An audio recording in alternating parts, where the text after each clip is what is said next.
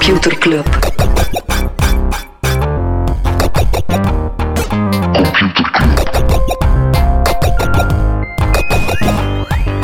Computer Club. Hey Smally, Hey Freddy. welkom, welkom terug. Welkom, welkom bij Computer Club, een wekelijkse podcast over technologie. Iedere aflevering selecteren Freddy en ik een interessant artikel en presenteren we een feitje. Niet gewoon een wekelijkse podcast over technologie. De beste, De wekelijkse podcast over de technologie. enige podcast waarin ze zeggen dat ze het niet gaan hebben over bepaalde dingen en er dan En dan wel toch, ja, dat is een slechte lol die we al eh, ja, 236 weken meesleuren, ongeveer. Ja, wat dan voor het niet over gaan hebben is het feit dat Apple in 2024 met een opvalbare iPad zou komen. Weer, Hens, zou... Had die gedeeld in het clubhuis ook, omdat Ja. ik het wel zo, ja, het is notwaar anti-foldables, Ah, maar Apple, zo... Apple roddles. Ja, want het is ergens wel een geloofwaardige bron. Ja, ja, net zoals de VR-bril altijd van geloofwaardige br- bronnen komt. En het is nu echt wel heel binnenkort... maar nu gaat het wel echt wel binnenkort zijn. Ik heb er al nog gehoord. Ook in het 2020, clubhuis, eh, 21, 22, Nee, het 23? clubhuis, het clubhuis wel eh, relevante bronnen gedeeld. Eh, Mark Gurman, denk ik, van Bloomberg, was wel echt absolute insider is.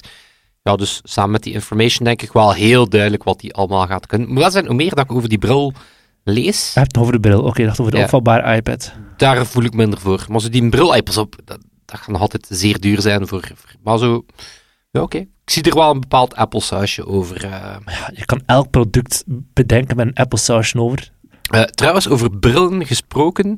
eh, PlayStation VR 2 komt in februari uit. Die komt binnen een aantal weken uit. En ja, Sony verlaagt nu al de target qua productie voor die, voor die nieuwe VR-headset voor, voor PlayStation.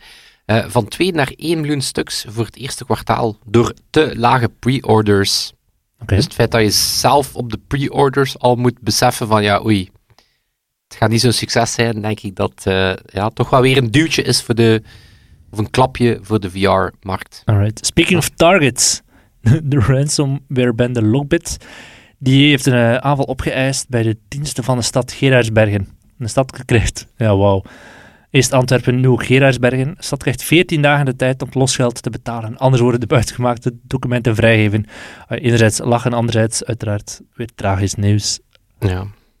Ja, bon, als zelf Gerardsbergen er niet aan ben ontsnapt, dan weten we dat wij dat weten Joost van den Kasteel heeft ooit wel een keer gezegd, als de terroristen echt te doen is, maar terroristen, geen hackers, om schrik aan te jagen, dan moeten ze geen aanslag plegen op Brussel of op Parijs, maar op een random dorpje in Schellebelle of whatever.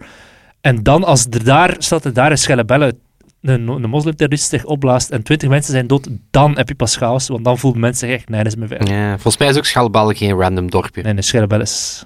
Maar gewoon omdat iedereen, als Ja. ze aan een random dorp denken, zo, eh, Schalbel. Ja. Omdat ze het... het dat de dat niet is bestaat, zo weet Ja. dat zo... Zo'n jommekes, ja, is jommekesdorp. Ja, inderdaad, zo'n zonderdorp of zo. Kijk, ooit verteld dat mijn thuisdorp als zustergemeente Zonnedorp heeft. Ja, nee, Dus als je, als je Geestert binnenrijdt, dan staan daar Jommeke en Filiberke. geniaal. Voilà, ja. Vandaar misschien de gelijkenis. Alle gelijkenissen berusten op louter Er toeval. zijn er nu weer zo heel veel mensen de mindblown ervaring hebben, Freddy. Het feit dat hij in West-Vlamingen bent. Klein Westlaans dorp, opgegroeid. Lang, lang geleefd ook, hè. Ja, ja. Giro-leiding gedaan. In de dorpsraad gezeten. Liedjes van Flip Collier Samen met de schooldirecteur. Dat was echt zo. Dan namen wij serieuze beslissingen over de jeugd in het dorp. ja, dat is echt waar, ja. Weg We met de de jongeren. Giro en dan zei ja, voilà, zo, oh, oh. Ehm, wat dat we soms wel een keer speelden in de Giro was de stoelendans. Eh, en dat is ook bij Salesforce. eh, ik ben hier de podcast terug op niveau aan het Wow. brengen. Eh, wat ook bij Salesforce gaat gebeuren in de directie. Ja, dus het is daar. ja, wat het al eerder gemeld. Hè. Veel volk die al wegging, onder andere de oprichter van Slack, Brad Taylor, de man die ook een turbulent jaar kende als eh, Mhm. eh, chairman bij Twitter, was co-CEO bij Salesforce, is daar weg. Dus daar was al wel een, ehm, ja, een draaiende deur op eh, directieniveau. En nu gaat er ook effectief in de raad van bestuur van alles en nog wat gaan veranderen. Ja, directieleden die weg moeten, de Mastercard CFO die erbij komt. Dus ja, Salesforce, die hebben ook ja, Elliot in, als activist investor die mee aan boord is gekomen. Dus die is daar ook Maar Mark Benioff blijft toch nog, hè? Denk dat je Salesforce moeilijk zonder Mark Benioff, de, de flamboyante, charismatische oprichter. Maar ja, de kritiek is wel van, ja, de groei komt alleen nog maar door acquisities die ook veel te duur zijn. Eh, te rammelt er inderdaad iets op leadership niveau als uw jonge high potential co-CEO gewoon stopt, dan is dat meestal ook geen goed teken over ja, wat mag die van Mark Benioff. Dus uh, ja, bon, veel in beweging, ook bij Shopify trouwens. Um, want daar gaat ook hun CTO weg, die daar nog maar een anderhalf jaar geleden was uh, overgekomen van Slack. Dus die gaat uh, nu al weg. En dat is de, de derde C-level persoon op zes maand tijd die vertrekt. Waren eerder al de COO en de CFO vertrokken. Uh, de taken van die CTO die gaan ehm, bij de CEO en oprichter Toby Lutke komen. Die was ook al de CPO-taken het overneemt, Chief Product-taken. Uh, voor mensen die zo het uh, pantheon van, uh, van CPO, ja, dat is gewoon... CPO, kun je zelf toch niet serieus nemen, CPO. ja, dat is wel hilarisch, hè. Um, dus ja, ter, ook, ook daar is er wel zo van alles aan het rammelen. Dat Shopify ook een beetje zijn groei kwijt is. En dat hopen ze terug te vinden, maar dat hadden we ook al in de um, nieuwsbrief vermeld. bijvoorbeeld door commerce components. Dat is niet meer zo dat je alles bij Shopify moet nemen, maar dat je ook ja, deeltjes van diensten kan nemen, wat dan voor grote retailers interessant zijn. En ze gaan ook de abonnementsprijzen voor hun merchants sterk gaan verhogen. Maar dus ja, Shopify is toch ook wel uh, een bedrijf waar dat er van alles en nog wat uh, in brand staat. En dan om het uh, ja, directiecarouselletje af te ronden, bij Spotify, ja, daar waren ook, denk 6% mensen die moesten vertrekken. Maar mm opvallend genoeg, ook de head of content, de man die achter al die podcast, podcast-acquisities zat, is daar ook weg. Ik las een artikel, ben even kwijt op welk platform, op Vanity Fair, denk ik, een artikel gelezen die zei van het idee van podcast exclusives is toch ook in snel tempo aan het blijken dat dat eigenlijk geen lucratief uh, businessmodel is. Dat zelfs Spotify, die daar dan het mhm. staat, ja, um, daar geen extra groei door kennen en die podcasts verliezen enorm aan, aan bereik dus, dus verliezen ook aan relevantie. Dus ergens maken ze het zelf moeilijker, want, want die podcasts worden dan moeilijker te ja. monetizen, net omdat ze een kleiner publiek hebben. Dus die hele strategie van ja, exclusive, exclusive, dat lijkt toch ook niet echt de way to go. Alright. Wie ook een kleiner publiek heeft, is Twitter. Uh, onderzoek in Nederland die zegt dat veel mensen echt Twitter verlaten hebben vorig jaar, waaronder ook Freddy, Frederik de Bossere, het afgelopen jaar weggegaan van Twitter. Neem van alle sociale media daalde het gebruik van Twitter het sterkst. Het ging van 3,5 miljoen naar 3,1 miljoen gebruikers in Nederland, een afname van 13 procent. Het zijn relatief veel vrouwen, hoogopgeleiden en jongeren zijn gestopt met Twitter. Ik ben natuurlijk biased, want ik heb inderdaad mijn soft, mijn soft exit. Mijn account bestaat nog. Ik heb wel zo pedant geweest om zo te zeggen dat ik Weg niet meer ga gebruiken. Dat is zo, whatever. Maar ja, bon. Maar ik had, ik had wel echt een indruk dat er gewoon minder te doen was op Twitter of zo. Ik weet het niet. Ja, er was dus weer veel te doen op Mastodon. Dat was zo'n beetje, ja, ja. beetje na Als grote op Mastodon, van... dan, dan merk je wel dat er reactie op komt. Uh. Ja, het was, ik, was er, ik was er niet bij, bij zo de early Twitter. Ben jij zo een, een OG-tweep, ja? Hè? Ja, toch al 13 jaar of zo, 14 jaar. Ja, omdat je zo, ja, toch bij veel mensen op Mastodon wel iedere keer hoort van het voelt terug als Twitter 2007. Zo er zitten mensen op Mastodon die ik op Twitter gemist heb, zoals Michel Baten en zo. De grappige twitteraars die niet voor elke scheet met modder beginnen gooien en zo. Ja, ik vind dat ook wel plezant. Ja. vind dat ook wel plezant. En supercool, daar heb ik dan een, zelf een sterke persoonlijke interesse in, zo het hele ecosysteem aan mhm. third-party apps, ja, dat wel volledig ja, empowered wordt, in tegenstelling tot Twitter, waar dat leven ja. zuur gemaakt werd en nu zelf onmogelijk heb je heel die cultuur van die apps en dat gaat daar super snel en je voelt dan alles dat dat product gewoon super snel aan het evolueren is, omdat die maker, Eugène Rochko, die luistert ook heel actief naar wat die developers zeggen mhm. en dan, dan bepaalt dan ook weer de roadmap van Mastodon. Dus dat vind ik wel gewoon cool, het idee dat je zo elke vier dagen wel een keer een nieuwe app kunt zitten proberen. Ja, en zo. Nee, ja cool. Tof. Twitter, die zijn dan ook weer bezig aan een uh, peer-to-peer payment platform. En ik heb echt oprecht geen idee peer-to-peer payments. Dus ja, elkaar betalen, as opposed to betalen in mhm. winkels of op webshops. Maar je hebt geen flauw idee wat ze daarmee nog denken uh, te bereiken. Eén, je verdient daar geen geld mee, met peer-to-peer payments, uh, of amper. Uh, en daar bestaan al 78 oplossingen die dat al doen en veel beter doen. Dus als dit de weg is naar de super-app, dan denk ik dat dat niet de juiste richting is. Of waar dat ze hun weinige engineering resources nog moeten op loslaten. ja. Nee, ik heb ook geen, uh, totaal geen idee waarom. Oh, zelf wij weten niet alles, is Nee. Oh, ja. toch wel toch redelijk veel. Freddy, waar gaan we het wel over hebben? Of? Oeh, ik heb nog een, uh, mag nog een uh, streaming... Uh, ja. Het is lang geleden dat we die nog... Dat we die nog... Streaming. Ja. Niet zozeer omdat we die speler heel goed kennen, maar wel omdat het ja, een beetje teken aan de wand is. Paramount in de VS, die gaat, eh, die gaat zijn twee streamingdiensten samenvoegen. Paramount Plus en Showtime. Showtime zullen een aantal van ons Mhm. wel kennen. Ja, die hebben wel een aantal populaire reeksen. Eh, dus Paramount Plus en Showtime, die worden vanaf nu Paramount Plus with Showtime. ik, verzin het, ik verzin het niet. Eh, dus, eh, Ja. ja, ja bon, het is, het is niet minder creatief dan streams. Ja, maar bon. Ehm, maar eerder deed Discovery het ook al, of, of gaat Discovery het ook al doen met Discovery Plus en HBO Max. Dus ja, toch wel heel veel van die gewoon Max mediaplatformen. noemt. Wat? Dat heet nu gewoon Max, hè? Heet dat gewoon Max? Volgens mij is het eh, de nieuwe naam, Max. Ah, voilà. Ja, Jacques Vermeijren verdient daar misschien ook eh, wat de royalties op. Ehm, maar bij Paramount laten ze ook weten, eh, of bij Paramount Showtime, ja, dat ze, ze gaan niet langer investeren in dingen die minder dan 10% van hun kijkers bereiken. Ehm, Ja. en ze gaan vooral investeren in dingen met franchise potential. Ehm, maar waarom zeg ik ja, teken aan de wand, is omdat ja, elk van die streamingdiensten nu ook wel voor hun kosten in de realiteit komt. En ja, die waanzinnige productiebudgetten, nou, die budgetten gaan hoog blijven, maar zo kunnen niet blijven volhouden. Hè, om, We gaan meer Tiger King te zien krijgen en minder The White Lotus. ja, Netflix gaat zo één documentaire in nog meer episodes uitsplitsen. Weet je dat, zo, waar dat zo... Fire Festival Season 2. Ja, zo... Ja, maar dat, dat, dat voelt toch zo? Dat Ja, zo ja. al die reeksen waar dat je vroeger dacht van dit had perfect één docu kunnen zijn, is dat nu zo een five-part series. Ja. Ik ben Tiger King wat kwijt. Ik weet het niet. Ik- Ik heb die tweede nooit gezien. Is de Ik tweede al uit? Ja, ja. Ja, die eerste ik wel goed, maar, iets wat lang. Dat is echt schraal. Ik weet ook niet waarom, maar zo fucking Carol Baskin of zo noemen ze. Daar voel ik wel een diepe haat tegenover. eh. Terwijl dat zij... Ja. Nee, Fred, Nee, dat is nee. misogyn. Dat eh, Ik kom mag je niet terug. zeggen. Oh, oeh, dat is een grote beschuldiging. Ehm, over beschuldigingen gesproken, zal, ik, eh, ja. zal ik een mezelf hier uit dit eh, lastige parket uh, wegsegwayen. Ehm over beschuldigingen gesproken. Ja, minder plezante tijden bij Google. Want ja, niet alleen eh 12.000 mensen moeten ontslaan, zoals wel veel techbedrijven eh, vandaag eh, voor die missie staan. Ja, je hebt ook ChatGPT die met alle AI-cool van de wereld gaat lopen. Eh, OpenAI die, eh, die, die Google zo wat biedt op hun, hun Mhm. eigen game. Microsoft gaat zelf Bing redden dankzij ehm, Bing GPT, whatever. Ehm, maar is er nu ook in de VS een eh, hele grote rechtszaak begonnen van de Department of Justice samen met acht staten. Dus een hele grote zaak tegen de advertentiebusiness van Google en het monopolie dat ze daar hebben.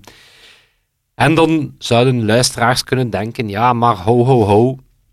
Ja, Google is gewoon de grootste zoekmachine. Dus toch ook niet abnormaal dat ze daar een monopolie dan hebben op de advertising. Dus ja, misschien moeten ze eens iets doen aan dat monopolie op, eh, op die zoekmachine. En dat klopt. En dat is ook zo, want er is ook al een zaak lopende van de Department of Justice tegen het monopolie in search. Hè, waar dat onder andere ook die iOS-deal ter sprake komt. Waar dat Mhm. Google ja, toch wel vele miljarden aan Apple geeft om op iOS ook de standaard zoekmachine te zijn. Waardoor dat moeilijk concurreren wordt met Google. Dus die zaak is lopende en dat is op zichzelf al uniek dat de Department of Justice twee van dit soort high-profile cases eh, start. Eh, dus een nieuwe zaak start waar dat de eerste nog, nog Mhm. volop eh, bezig is. Dus die tonen, dat toont wel dat ze het, dat ze het menen. Ehm, maar het gaat ook niet zozeer over de zoekmachine-advertenties van Google, eh, maar wel over de rol die Google speelt in ja, de bredere advertentietechnologie-sector of het bredere advertentie-ecosysteem. En dan meer bepaald eh, wat ze binnen display advertising doen. Wat ze eigenlijk binnen ja, zeg maar klassieke bannerruimtes op websites gaan doen. En ook al is dat een kleiner deeltje, het is zeker niet eh, verwaarloosbaar. Het gaat over 15% van de omzet van Google die uit dat soort dingen komt. Ehm, Specifieke display, nee, uit advertenties op zich. uit, dus 15% van de omzet eh, van Google komt uit die display eh, advertising. Ja. Dus, dus het is... ehm, ja, het is een beetje een oldschool, maar dus niet oninteressant van hoe, hoe werkt dat systeem en wat heeft Google daar dan eigenlijk mee te maken. Ehm, zonder al te technisch te gaan worden, eigenlijk heb je ja, en dat soort ja, exchanges, hè, dan moet je, het, moet je het zo zien, eigenlijk is dat een advertentiebeurs. Wat gebeurt daar? Je hebt daar enerzijds de supply side, publishers, die advertentieruimte aan te bieden hebben, en je hebt de eh, demand side, ja, adverteerders die op zoek zijn naar eh, plekken om hun advertenties kwijt te kunnen. Ehm, dus die supply side, grote publishers. En ja, daar gaat Google, stappen ze naartoe met een verhaal van, kijk, weet je wat, in plaats van al die uh, bannerruimte zelf te gaan moeten invullen, weet je, wij hebben daar platformen voor. Mhm. Ehm, en het moment dat er dan een bezoeker op jouw website komt, weet je, wij laden die bannerruimte, wij gaan op zoek naar de beste advertentie, a.k.a. diegene dat jou als publisher eh, lekker veel centen oplevert. Was een heel goed verhaal, want eh, Google eh, voor publishers, dus, dus die, die supply side, die dekt ongeveer 90% van die markt af. Dus daar heeft Google een absoluut monopolie als het gaat rond werken met publishers. En dan anderzijds gaan ze naar adverteerders en zeggen ze, ja, oké, we hebben hier niet alleen een heel groot netwerk van publishers, ehm, maar je kan via dezelfde, dezelfde platform ook je Google Ads gaan kopen op onze zoekmachine. Dus dat is natuurlijk de grote eh, pitch, is dat ze behalve heel veel publishers, eh, behalve het feit dat het voor een adverteerder makkelijk Mhm. wordt in plaats van met alle DPG's en mediahuizen van de wereld op hun platformen te moeten gaan, zegt Google, weet wat, we hebben hier die tool. En apropos, dat is ook de enige tool waarmee dat je zoekmachine eh, advertenties kan kopen. Dus ja, ook dat is voor Google wel ja, heel interessant. Eh, of voor adverteerders ja, ook moeilijk om, ja, waar ga je anders naartoe? Mhm. Als je toch al die tool moet gebruiken om, eh, om je Google Ads te gaan kopen. Ehm, dus vandaar ja, zegt nu, ehm, ja, zegt nu de Department of Justice van ja, dat, dat, gaat, dat gaat te ver. Google heeft daar heel bewust een strategie eh, gehanteerd waarbij dat ze niet alleen ja, het voor concurrenten onmogelijk maken ehm, om daarmee te concurreren, maar ze hebben ook stelselmatig die macht misbruikt om eigenlijk die prijzen eh, te gaan op, eh, opvoeren. Hè. Dus Mhm. ze hebben heel wat ehm, eh, acquisities gedaan, zo zaken die toen minder opvallend waren. DoubleClick is misschien zo Ja. eentje dat je 2007, 3 miljard was zo toen heel veel geld was. huh, wat gaan ze daarin doen? Dat was al gedreven vanuit, ja maar wow, als er een ander platform is die de invulling gaat doen van banners, dan is dat voor ons een bedreiging, kom, we gaan die gewoon kopen. Eh, in het begin bijvoorbeeld hebben ze ehm, eh, vooral de prijzen richting adverteerders verhoogd, ja, om publishers blij te maken. En zeggen van, ja, weet je, sluit u aan bij ons, want ja, wij kunnen hier prijzen geven die, Mhm. ehm, die veel beter zijn, ja, totdat ze natuurlijk stelselmatig die prijzen weer gaan, op, ehm, gaan, gaan opdrijven. Ehm, tot op het niveau vandaag dat voor elke dollar die een adverteerder betaalt, krijgt een publisher er 70 cent van. Dus daar zit je ook weer met een mooie mythische 30%. Van waar Dat komt dat Google, zelfs? ja, dat is een, ja, dat is een, mooie, dat Ja. een, mooie, een, mooi getal, hè, dit 70-30. Ehm, maar ja, ook bewijzen van, ja, dat is dan eh, wat, wat Ben Evans vaak zegt, there's always emails. Dus die, die, eens dat er zo'n zaak komt, ja, dan, dan, moeten ze, ja, dan worden ze gedagvaard, moeten ze heel wat. Maar dat er ook heel duidelijke ja, bewijzen zijn dat ze heel actief eh, alternatieve technologie, en dat heet dan header, header bidding, specifieke variant. Mm. Ik ga niet te veel in detail, want advertentietechnologie is eh, echt wel Een vak apart. voodoo, eh, Ja. voodoo dark magic. ehm, hebben tegengewerkt. Ze zijn bijvoorbeeld op een gegeven moment ehm, naar Amazon gestapt en gezegd van, oké, hoeveel hebben jullie nodig om te stoppen met investeren in jullie header bidding produ- product? dus, dus Ja. wat denk ik wel zo Zo'n een smoking, ja. smoking gun is om te zeggen dat je, dat je liever geen concurrentie ziet. Ehm, en Google zelf ehm, eh, merkt op, dus opnieuw, there's always emails van ja, weet je, het is alsof dat wij Goldman of Citibank zijn en ook de New York Stock Exchange bezitten. Mhm. Want dat is het eigenlijk. Ze zijn ja, zowel aanbieders van advertentieruimte als de personen die alle advertenties en alle banners ter wereld op elkaar coördineren. Dus je Ja. voelt daar sowieso al. Ehm, dus ja, de vraag is, eh, wat gaat er nu eh, gebeuren? Wat, één, we zijn, we zijn wel vertrokken voor een aantal, eh, voor een aantal jaar eh, gaan procederen. Opvallend daar is dat de Department of Justice expliciet de vraag stelt om die business op te breken. Ehm, ze hebben er voor, volgens ex- wat dat vrij atypisch is, want het is al van de jaren tachtig geleden toen dat je het, eh, het Bell-consortium, also het telefonie-consortium Mhm. in de jaren in de VS, en toen heb je AT&T en heel wat Mhm. andere bedrijven gehad die er eh, uitgesplit zijn. Dus het is eigenlijk al vrij bijna geleden van de jaren tachtig dat die Department of Justice in hun zaak expliciet al zegt dit bedrijf moet opgebroken worden, want er is geen andere eh, redding meer. hè. Zo Mhm. van, het is zover gekomen dat dit is het enige. Want Google had zelf al in een soort zoenoffer voorgesteld om ja, die advertentie-exchange al uit Google te halen en in een apart alfabetbedrijf te gaan steken. Maar oké, daar zegt de Department of Justice, vestzak, broekzak, operatie. Voilà, het blijft, ja, dat blijft Mhm. dezelfde groep. Dat gaan Mhm. jullie niet plotseling. Ehm, maar wel, het zal, eh, het zal nog jaren duren. Maar de vraag is wel van als het effectief gebeurt, als Google daarin, ehm, daarin wegvalt, dan is dat wel koffiedik kijken van oké, gaat er dan echt meer geld richting uitgevers? En gaat dat echt een betere zaak zijn voor het eh, advertentie-ecosysteem? Ja, of gaan er misschien zelf net minder adverteerders zijn, aangezien dat die hun geld veel minder effectief kunnen spenderen? Hè? Gaat dat door het wegvallen van die, van die krachtige Google-technologie ja, misschien een Mhm. vacuüm ontstaan dat ook niet ingevuld geraakt en ja, dat, dat publishers misschien zelf te koer wel ook armer van gaan worden? Ja, dat, dat is moeilijk, moeilijk te voorspellen. Eh, maar wel, het is volgens experten wel een eh, zeer goed voorbereide zaak. Hè. Dus, dus, dus blijkbaar hebben ze wel echt, eh, in tegenstelling tot wat je dan zo in die congressional hearings soms hoort, hè, waarvan dat je van die uit de petenet die niet echt snappen hoe dat internet werkt, Ja. heb je hier wel experten die heel goed gekeken hebben naar, en het is absoluut geen sexy zaak. Het is zo, niet zo sexy als, eh, als, als vele andere dingen waar dat er dan eh, protesten over komen. Het is, het is vrij droog, hè, weet je. Zo advertentietechnologie worden weinig mensen warm van. Maar het is dan opnieuw een vrij goed voorbereide zaak met een hoge slaagkans. En eentje die Google, eh, behalve de andere kopzorgen, ja, toch wel redelijk wat de slapeloze nachten zal bezorgen. Alright. Straks gaan we nog hebben over nog meer advertentietechnologie. Maar eerst ga ik hier eh, een beetje reclame maken over iets totaal anders. Computerklas.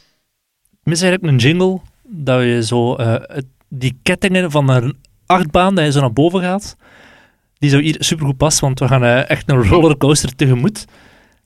Een uniek record in de Guinness World Records. Ik ben wel fan van zo dat boek van de Guinness World Records, maar tegenwoordig moet je echt wel in de meest maffe categorie zelf bedenken om bij een boek te geraken, want er staan al zoveel mensen die deftig werk hebben in een wereldrecord je gewoon niet meer kan verbreken. Maar er is een heel maf wereldrecord en dat gaat over de duurste chicken nugget die ooit online verkocht is.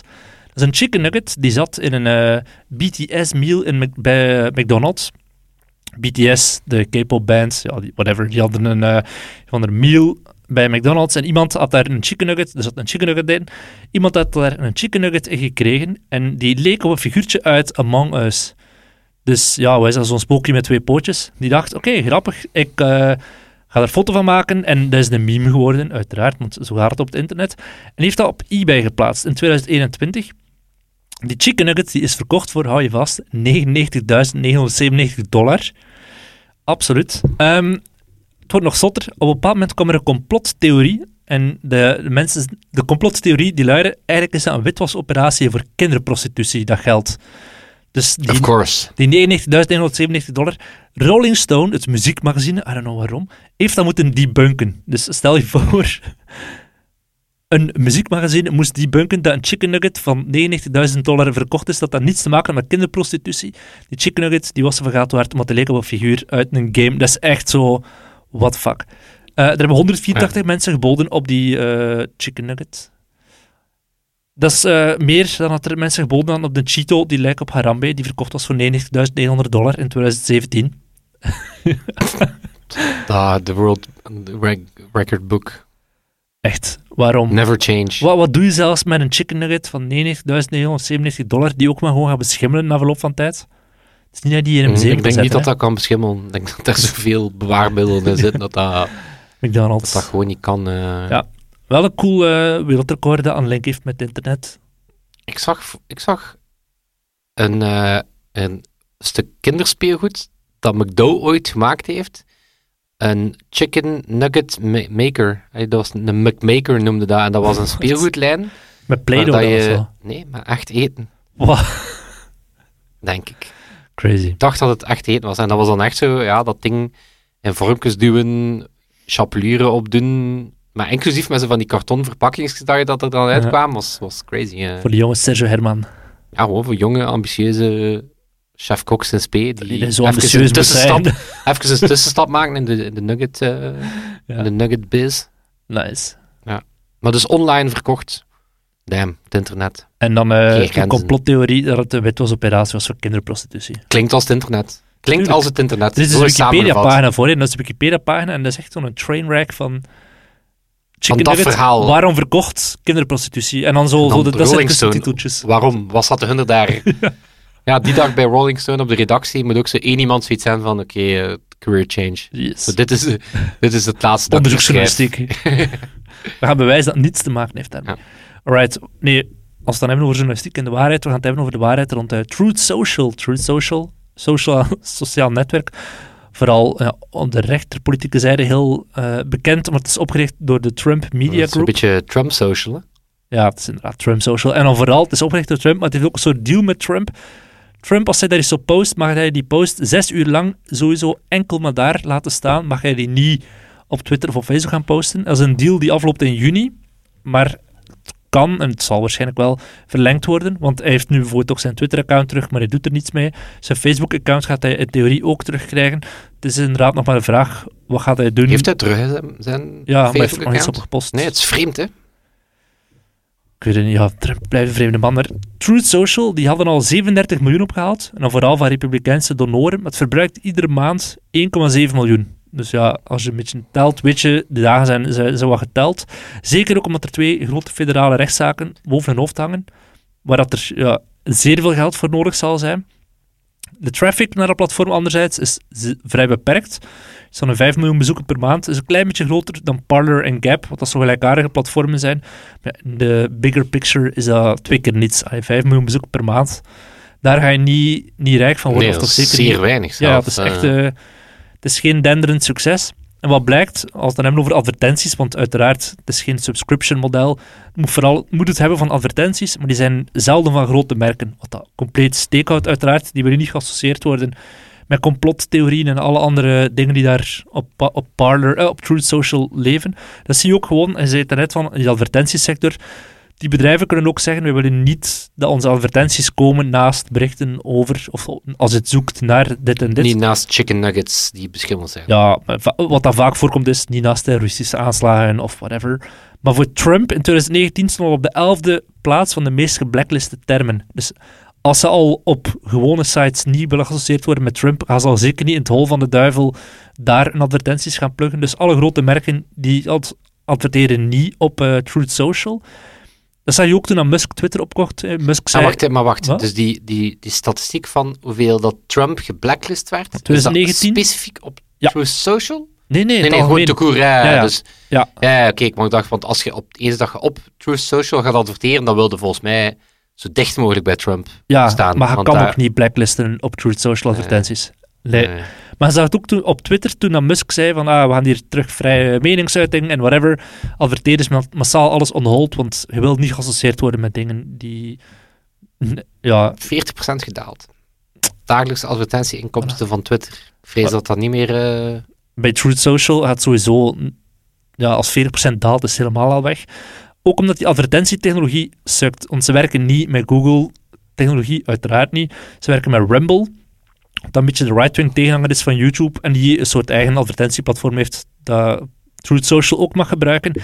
Zeer beperkt qua tracking, qua targeting. Je kan voor niet zeggen van ik wil op geslacht of op leeftijd targeten. Dat kan allemaal niet. Alle dingen die adverteerders verwachten, kunnen niet op eh, Truth ja, Social. Het zit ook maar 16 man op of zo, dus... Ja, waarschijnlijk. En ze klagen, omdat er inderdaad zodanig weinig volk op zit, klagen ze ook van, zelfs tegen Trump, van ik krijg helemaal dezelfde advertenties te zien, doe er iets aan. Alsof dat Trump ook meteen de CPO van dat platform is. Echt raar mensen. Maar New York Times die heeft honderden advertenties van Truth Social bestudeerd om dat te kijken van, oké, het is geen Coca-Cola, het is geen Nike, wat is Wie het dan dan wel? wel? Ja. Onder andere kinderboeken die praten over de gevaren van communisme, een anti-woke levensverzekering, ja, het bestaat, heel veel ook munten en biljetten en gouden plakaten, want for some reason verzamelen Trump-fans munten waar dat Trump op staat. En als je dan gaat afrekenen, dan blijkt ook heel vaak in de kleine lettertjes dat de gouden munt ofwel zomaar een heel dun laagje goud heeft, of dat een ander metaal is die geschilderd is, het goud. Maar mensen zijn te dom, die trappen erin. Allee, mensen die op Truth Social zitten, die, die trappen erin. Heel veel Trump merchandise, die vaak ook niet officieel is. Ehm, veel wapens, uiteraard, het is Amerika. Overlevingstools en eh, alternatieve geneesmiddelen en dieetmiddelen. Vaak ook met heel onsmakelijke foto's. Zo'n soort type foto's dat je ziet op websites die minder legaal zijn. Dat er staat van deze man Ja. verloor 50 kilo of wat dan ook. Dat is nu dat we die actie aankondigen. Hè. Dus Smolly gaat nu De als deel... Nee, als deel van de onderzoeksjournalist dat hij is, gaat hij elke dag van de komende maand een product van op Truth Social Testen. uitproberen. Ja. Ik denk dat ik dood ben binnen half... Of dat die gewoon nooit toekomt. Er zijn heel veel scams dat volgens mij. onderzoeksjournalistiek soms moet gaan. Nee, ik denk dat daar veel En ik, scams krijg- ik, krijg tussen de, zitten. ik krijg de fonds op hè, achteraf. Fonds Ik wil wel Thomas een Smolders. Anti-woke levensverzekering. Wat tegen was zij er dan verzekerd? Ik hoop tegen mensen die zagen over woke. Nee, dat is eh, mensen die een genuanceerde uitleg proberen geven. Zo, ah, no. Ga weg. Ja, inderdaad. Zo, mensen die uitleggen dat bepaalde dossiers complex zijn. No. Ja, nee. Oef, anti-woke. Ja. Alle naar uh, Truth Social zou ik zeggen, maar Ik zou wel een keer gewoon een, een anti-anti-woke verzekering willen. ja, absoluut. zo Mia Doornaert die uit mijn, uit mijn gefilterd leven wordt. gefilterd wordt. Absoluut. Ja. Gewoon een plugin die elk woord... Allee, volgens mij was iemand heeft dat ooit gemaakt, die het woord woke, zo'n plugin op Chrome, vervangt door... Ja, Verdraagzaam of zo. Ja, inderdaad, zo menselijkheid of zo. Iets in die aard. Truth Social. Hoe, ehm, hoe is het nog met de advertenties op Twitter? Merkte daar iets? Omdat dat, dat ik wel zo Eh, redelijk stabiel gehoord dat die, dat, die, dat die kwaliteit daarvan, of dat je toch meer van die er- rando Nee, ads ziet, of niet? er zitten rare dingen bij nog altijd, maar Niet niet noemenswaardig significant grote meer. Nee. verschil. Oh, Meneer, meneer is vier dagen letterlijk van Twitter. Vraag het al. Alsof dat... eh, Eh, ik gebruikte daarvoor Tweetbot en daar zaten geen advertenties in. Dus Ja, ik had, eh, ik true. had, en ik had ook de eh, targeting van de ads afgezet in mijn settings. En dan, dan krijg je de facto wel de broze. nou ja, de F-16 vliegtuigen die moeten gelobbyd worden. hè. Ja, voilà, dan krijg je echt wel zo heel random dingen. Eh, Ja. ja. Truth Social. Dus ja, de vraag is, zal nog eh, blijven bestaan binnen, binnen een jaar? Ik hoop van niet. Zei het artikel iets over Parler? Nee. Dat dat populair eh, specifiek over True ja, Social. want ik heb toch de indruk dat die, die alt-right netwerken... Maar ja, ook Parler, ik zeg Parler en Gap waren nog kleiner hè, dan Truth Social, qua aantal Ja, bezoekers. dat is dan nog triester. Ja, ja. Die Rumble Rumble was een groot. keer Rumble was als groot. dert- omdat allee, dat- groot, 30 miljoen of zo. Dat is een veelvoud van Truth Social, maar nog altijd niets in vergelijking met een YouTube of zo, waarmee dat dan zo gezegd moet concurreren. Tot. Yes. Chance dat jij dat allemaal in kaart brengt, je dat er gelukkig wel groot is, Freddy? Allee, groot. Ik, eh, ik heb er geen idee van. Smol. groot, Toon en Sebastiaan. Ah, ja. Onze amigo's, die ons elke week helpen met de mix. Deze week helpt Sebastianos daarbij. Daar zijn we super dankbaar voor. Ook dankbaar voor onze vrienden van de show.